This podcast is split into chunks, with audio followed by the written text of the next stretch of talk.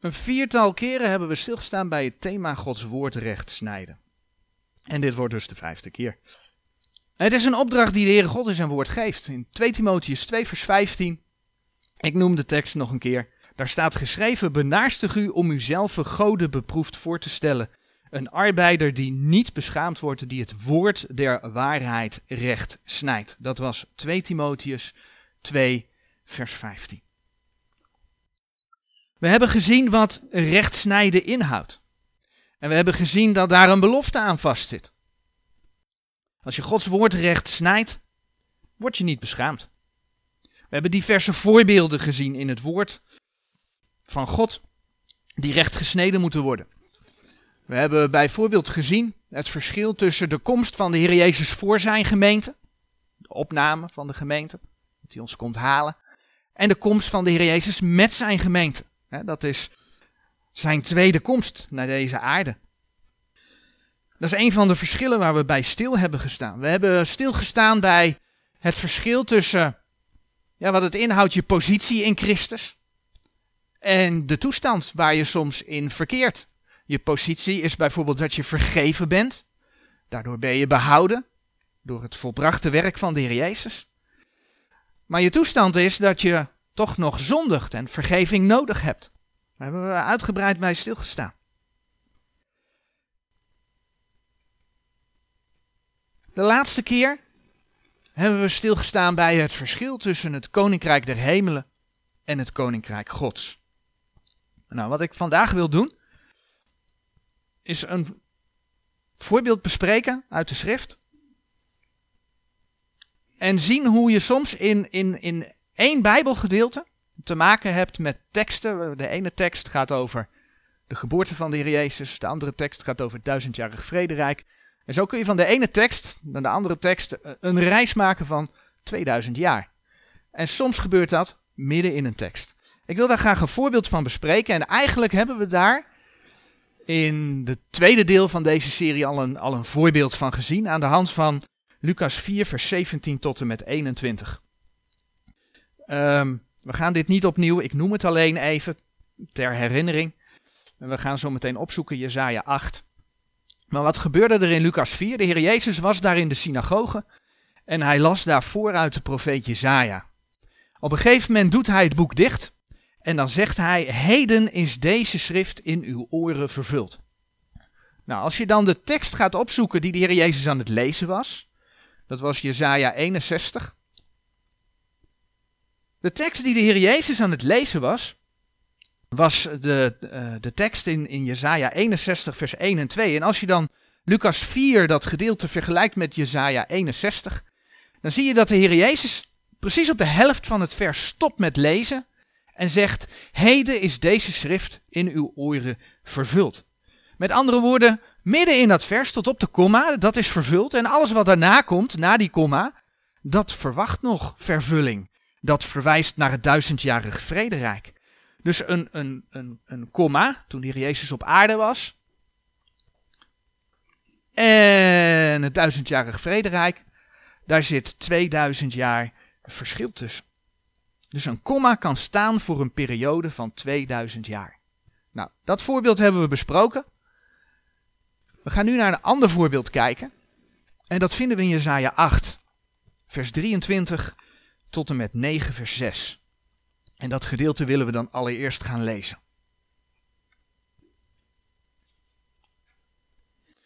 Jezaja 8, vers 23.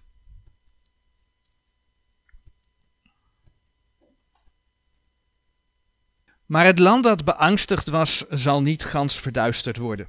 Gelijk als hij het in de eerste tijd verachtelijk gemaakt heeft, naar het land van Zebulon aan en naar het land van Naphtali aan, alzo heeft hij het in het laatste heerlijk gemaakt, naar de weg zeewaarts aan, gelegen over de Jordaan, aan Galilea der heidenen. Het volk dat in duisternis wandelt, zal een groot licht zien. Degene die wonen in het land van de schaduw des doods, over dezelfde zal een licht schijnen. Gij hebt dit volk vermenigvuldigd, maar gij hebt de blijdschap niet groot gemaakt. Zij zullen nochtans blijde wezen voor uw aangezicht, gelijk men zich verblijdt in de oogst, gelijk men verheugd is wanneer men de buit uitdeelt. Want het juk van hun last En de stok hunner schouders en de staf desgene die hen dreef, hebt gij verbroken. Gelijk ten dagen der Midianieten. Toen de ganse strijd dergenen die streden, het met gedruis geschiedde. En de klederen in het bloed gewenteld en verbrand werden tot een voedsel des vuurs. Want een kind is ons geboren, een zoon is ons gegeven. En de heerschappij is op zijn schouder en men noemt zijn naam wonderlijk, raad, sterke God, vader der eeuwigheid, vredevorst. Der grootheid deze heerschappij en des vredes zal geen einde zijn op de troon van David en in zijn koninkrijk, om dat te bevestigen en dat te sterken met gericht en met gerechtigheid, van nu aan tot in eeuwigheid toe. De ijver des Heren der Heerscharen zal zulks doen. Die eerste twee versen die we gelezen hebben, Jesaja 8 vers 23 en 9 vers 1, die worden in Matthäus 4 geciteerd. Ik zou zeggen, hou de hand bij Jezaja, want dan komen we iedere keer terug. En dan pakken we Matthäus 4 erbij. Dat is een gedeelte waar staat dat de Heer Jezus in Capernaum was gaan wonen. En dan lezen we vanaf vers 14, Matthäus 4 vanaf vers 14.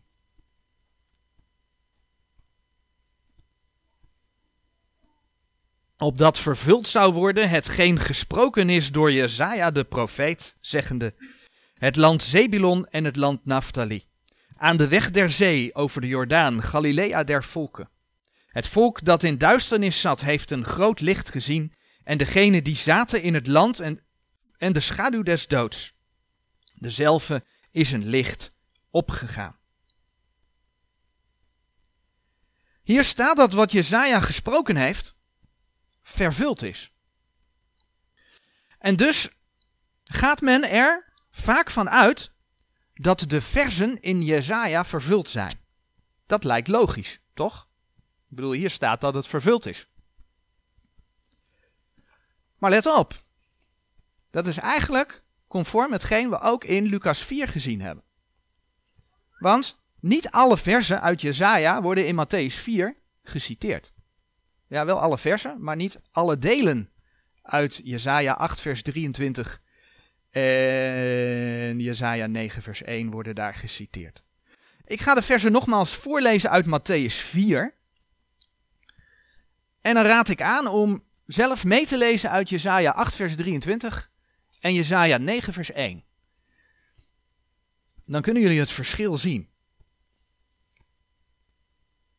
Dus ik lees uit Matthäus 4 en dan lezen jullie mee uit Jesaja 8 vers 23 en 9 vers 1.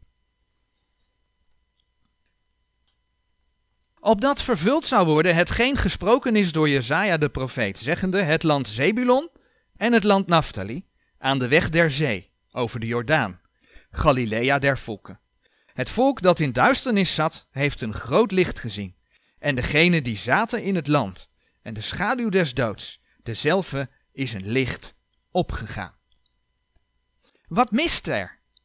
Wat mist er in Matthäus 4? Wat mist in de geciteerde versen in Matthäus 4 is dat het land niet helemaal verduisterd is geworden en dat het land heerlijk gemaakt is. Dat hoor je in Matthäus 4 niet terug. Waarom zou dat missen? Nou, de moderne theologie heeft het al gauw over overschrijffouten en noem het maar op. Waarom zou dat missen? Nou, niet omdat er overschrijffouten zijn. Niet omdat er fouten in Gods woord staan. Niet omdat Matthäus niet goed geciteerd zou hebben of iets dergelijks. Of dat er in de overlevering iets kwijtgeraakt zou zijn. De Heer heeft beloofd zijn woord te bewaren, hè? Psalm 12, vers 7 en 8. Dus waarschijnlijk heeft het een reden dat dit niet compleet geciteerd is. Dat heeft een reden. En de reden is heel simpel. Dat deel wat niet geciteerd is, is niet vervuld. Is niet vervuld bij de eerste komst van de Messias. En dan, als je denkt aan het heerlijk worden van het land.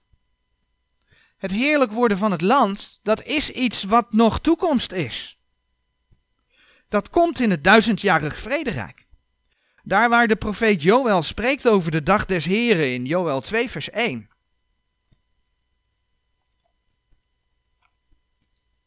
Daniel, Hosea, Joel.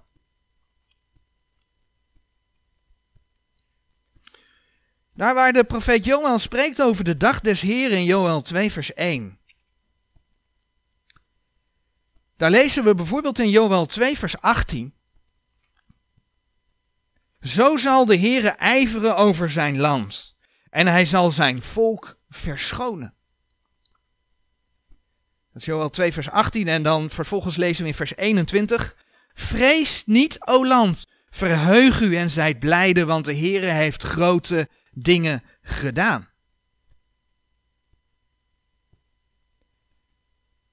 Wanneer Israël tot bekering komt, en Israël, we leven nu in de gemeentetijd, dicht, voor de opname van de gemeente. Wanneer Israël tot bekering komt, dat is in de grote verdrukking. En pas dan gaat spelen, duizendjarig vrederijk, dat de Heer het land gaat herstellen. Dan wordt het land heerlijk gemaakt.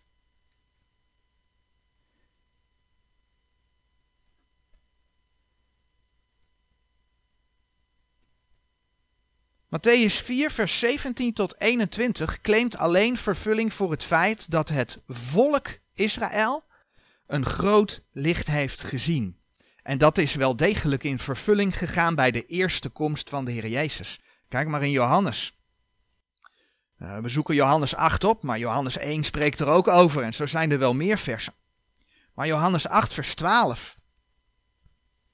Daar lezen we wat de Heer Jezus zegt.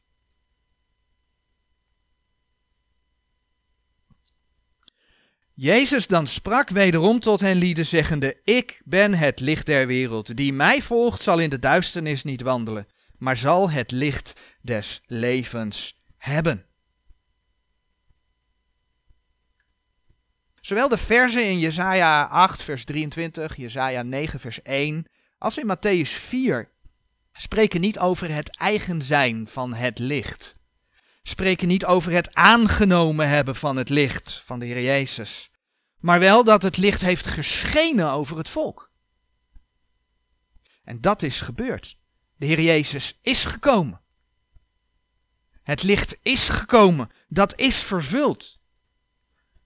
Maar dat betekent dus, als je naar Jesaja 8, vers 23 kijkt, dat eigenlijk het grootste deel van Jesaja 8, vers 23, wat spreekt over het land dat heerlijk wordt, dat dat nog vervulling verwacht. Dat is nog toekomst. Dat zal in het duizendjarig vrederijk vervuld worden. Nou, en dat zien we ook in de vervolgversen van Jesaja 9, vers 2. Ik noem net Jesaja 8, vers 23. In Jesaja 9, vers 1 gaat het dus wel degelijk over de eerste komst van de Heer Jezus. Dus Jesaja 8, vers 23 verwijst naar het duizendjarig vrederijk. Jesaja 9, vers 1 is 2000 jaar eerder de eerste komst van de Heer Jezus. Het volk dat een groot licht heeft gezien. En dat zien we dus ook in de vervolgversen van Jesaja 9. In Jesaja 9 vers 2 lezen we: Gij hebt dit volk vermenigvuldigd, maar gij hebt de blijdschap niet groot gemaakt. Zij zullen nochtans blijde wezen voor uw aangezicht, gelijk men zich verblijdt in de oogst, gelijk men verheugd is wanneer men de buit uitdeelt. Het eerste deel van het vers wordt in de nieuwe vertalingen precies tegengesteld weergegeven. Het woordje niet ontbreekt namelijk in de nieuwe vertalingen. Ik heb de tekst op de dia gezet. Het gaat dus om dat stukje, gij hebt de blijdschap niet groot gemaakt. In de NBV, de nieuw bedorven versie, daar staat: Diepe vreugde gaf u het. Dat is toch precies het tegenovergestelde, of niet? Diepe vreugde gaf u het. God zegt: Gij hebt de blijdschap niet groot gemaakt. NBV zegt: Onzin. Diepe vrede gaf u het. Nou, het boek precies hetzelfde, spreekt alleen maar over blij zijn. En dan heb je in de HSV de HSV doet dat iets geraffineerder. Daarom hebben we het ook de heel subtiele versie gedoopt. Die heeft het woordje niet namelijk wel laten staan. Die heeft het woordje niet wel laten staan, maar die heeft van de zin een vraag gemaakt. En door van de zin een vraag te maken, staat er eigenlijk nog steeds het tegenovergestelde. Heeft u niet de blijdschap groot gemaakt? Eigenlijk dus bevestigend. Hier wordt een bevestigend antwoord verwacht. Heeft u niet de blijdschap groot gemaakt? Dat is geen ontkenning. Dus de HSV volgt gewoon de nieuwe vertalingen. Het vreemde is natuurlijk dat het vervolg van Jesaja 9 vers 2 spreekt over blijde wezen, spreekt over men verblijdt zich en over dat men verheugd is. Dat is natuurlijk vreemd. Dus wat de theologen en de vertalers gedaan hebben, die hebben een foutje in het woord van God hersteld. Ja, dat zijn Gods hulptroepen. Die gaan het woord aanpassen als ze het niet begrijpen. Nou, ik zeg dat een beetje sarcastisch, hè? Ik hoop dat dat duidelijk is, want het is geen foutje. Dit hoort er gewoon te staan. Dat hoort er gewoon te staan. Als je de schrift recht snijdt, dan weet je dat het deel voor de komma, in dit geval een puntkomma, over een hele andere tijd kan gaan dan het deel na de puntkomma. Dat hebben we in Lucas 4 gezien. Dat zien we dus hier weer.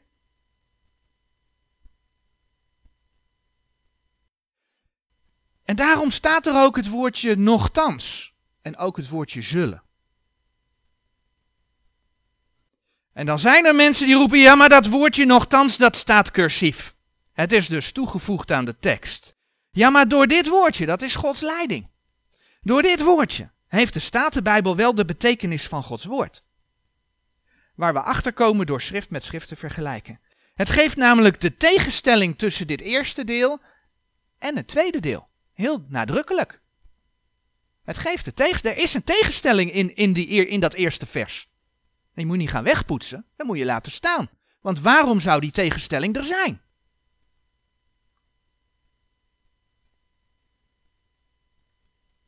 Het bevestigt de tegenstelling en zo zie je hoe de Heer ook hier zijn woord bewaard heeft. Ondanks de blijdschap, dat de blijdschap van Israël niet groot gemaakt is, tegenwoordige tijd, zullen zij wel blij zijn.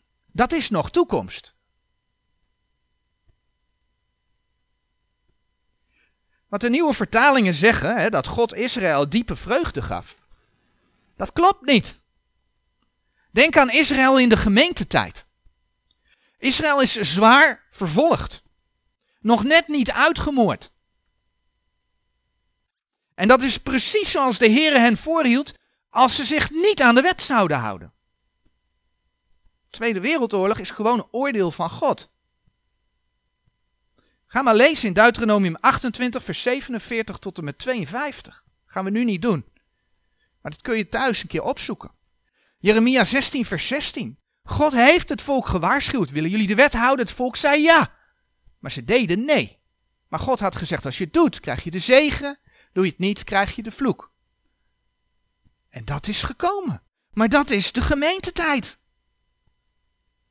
Daarin is Israëls vreugde niet groot gemaakt.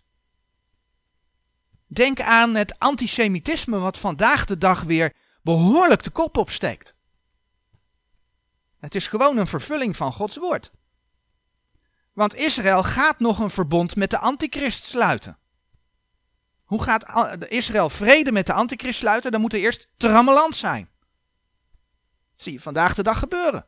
Komt trammeland. Zodat de antichrist straks een verbond met Israël kan sluiten. Dus Israëls vreugde is niet groot gemaakt. Ook nu kennen zij die vreugde van de Heer niet. Maar dan komt die. Die vreugde gaan ze wel kennen. Maar dat is toekomst. Want door de grote verdrukking heen, de gemeente is weg, gaat God verder met Israël en door de grote verdrukking heen komt Israël tot bekering. En we hebben al een gedeelte uit Joel 2 gelezen. Als we dan Joel 2 vers 23 erbij pakken. Joel 2, dan hebben we eerst gelezen over hè, dat het land vreugde zal kennen in de toekomst. En dan lezen we in Joel 2 vers 23. Dan gaat het niet meer over het land, dan gaat het over de kinderen van Sion. En gij, kinderen van Sion, verheugt u en zijt blijde in de Heere uw God. Want hij zal u geven die leraar ter gerechtigheid. Jezus Christus komt terug. En dat zal vreugde zijn voor de kinderen van Sion. Ze zien in wie ze gestoken hebben. En hij zal u de regen doen nederdalen. De vroege regen en de spade regen in de eerste maand. Al die Pinkstergemeenten die staan te dansen.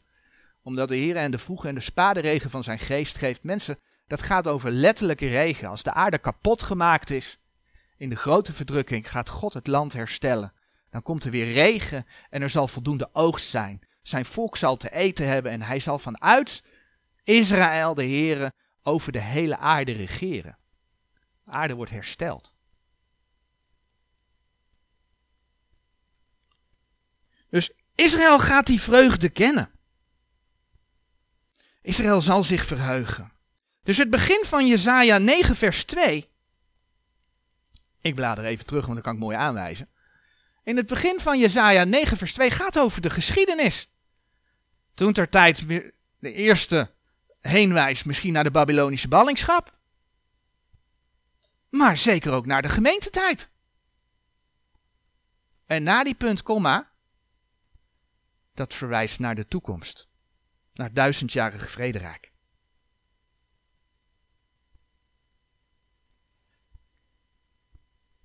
Maar zie je dus hoe door onkunde in Gods woord en door ongeloof men Gods woord aanpast en er desnoods het tegengestelde van maakt.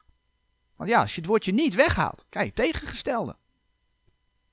En dat is niet alleen in de NBV zo, is niet alleen in de BGT zo, is ook in de HSV. Je ziet hoe, hoe, hoe, hoe de theologische gedachten niet gericht zijn op het bewaren van Gods woord, maar eerder op het zoeken van bevestiging van eigen theorieën.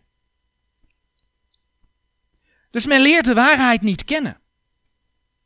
En dat terwijl Gods woord 100% klopt, als je het maar recht snijdt. Dat hebben we net gezien. Dan komt Jezaja 9, vers 3 en 4.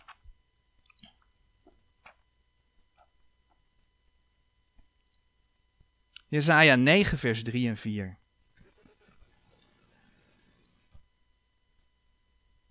Want het juk van hun last en de stok hunner schouders en de staf des degene die hen dreef, hebt gij verbroken, gelijk ten dagen der Midianieten.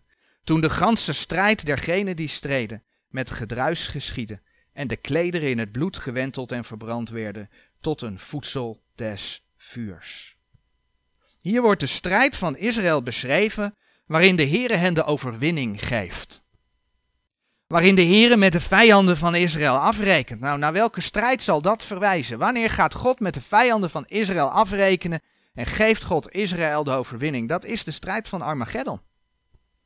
Als we dan in Ezekiel 39 kijken, dan lees ik enkele versen uit voor. Ezekiel 39, vers 3 en 4. Dan zie je dat gebeuren. Ezekiel 39, vers 3.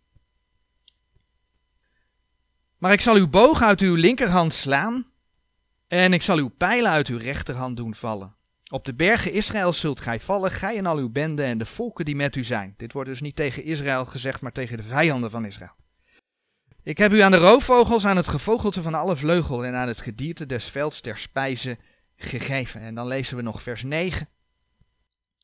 En de inwoners der steden Israël zullen uitgaan en vuur stoken en branden van de wapenen. En zo van schilden als rondassen, van bogen en van pijlen. Zo van handstokken als van spiezen. En zij zullen daarvan vuur stoken zeven jaren. En zo zien we hoe de versen in Jezaja 9 verwijzen naar het einde van de grote verdrukking. Niet de geboorte van de Heer Jezus, niet de gemeentetijd. Niet de geboorte van de Heer Jezus, niet de gemeentetijd, niet het duizendjarige vrede, maar het eind van de grote verdrukking. Jezaja 9 vers 3 en 4. Vlak voordat de Heer Jezus koning wordt. En ook dat is dus nu op dit moment nog steeds toekomst. En dan volgt Jezaja 9 vers 5.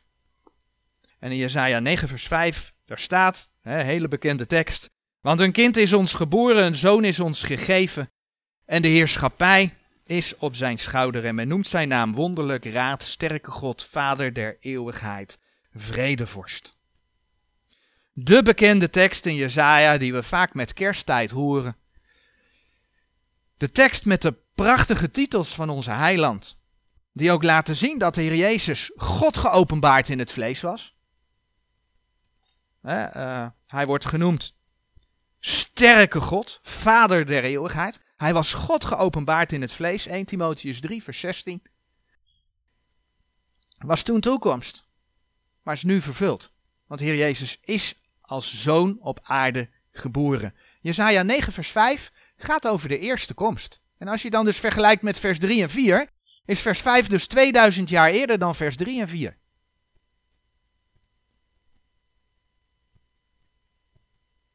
Nou, onder andere zijn naam Vredevorst verwijst natuurlijk weer naar de toekomst. En on, want de Heer Jezus is weliswaar op aarde geweest. Hè, voordat hij geboren werd, werd beloofd, Lucas 1, vers 31 tot en met 33, dat hij koning zou worden, dat hij op de troon van zijn vader David zou zitten. Maar hij is nog geen koning geweest. Maar de Bijbel laat zien dat hij in het duizendjarig vrederijk wel koning zal zijn. Als hij terugkomt, openbaring 19 vers 16, dan staat er dat er op zijn dij deze naam geschreven is. Koning der koningen en heren der heren. Als hij terugkomt, komt hij terug als koning. Komt hij terug om als koning te regeren. En Zacharia, die tekst zoeken we even op. Zacharia 14 vers 9 spreekt daarover. Zacharia 14 vers 9.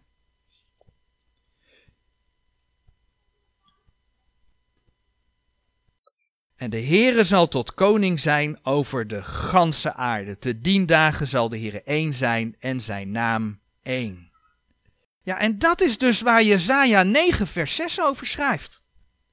Der grootheid deze heerschappij en des vredes zal geen einde zijn op de troon van David en in zijn koninkrijk.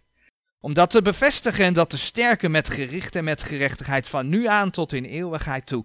De ijver des heren der heerscharen zal zulks doen. Dit vers ziet naar het duizendjarig vrederijk, maar omdat het spreekt over de eeuwigheid, ziet het zelfs daarvoor bij. Want dat koninkrijk dat gaat verder in de nieuwe hemel en op de nieuwe aarde. Dus Jezaja 9 vers 6 is weer minimaal 2000 jaar verder dan Jezaja 9 vers 5. Dan zie je wat voor mooi overzicht je krijgt, hoe je dus eigenlijk in één klein stukje bijbeltekst Eigenlijk gaat van het duizendjarig vrederijk naar de eerste komst, stukje gemeentetijd, duizendjarig vrederijk, einde grote verdrukking, eerste komt, duizendjarig vrederijk, nieuwe hemel en nieuwe aarde. In zeven versen. Dat is het recht snijden van Gods woord. En dat je recht moet snijden, het is een opdracht van God, om niet beschaamd uit te komen. Want als je het niet doet, dan ga je dus zeggen, ach ja, maar dat klopt niet wat er staat. Want er staat toch in de rest van het vers dat God vrede geeft. Weet je, dan halen het woordje niet weg. Dat is wat de theologie doet. Maar we mogen Gods woord geloven. God heeft zijn woord bewaard. En als je zijn woord recht snijdt, belofte 2 Timotheus 2 vers 15, zul je niet beschaamd uitkomen. Amen.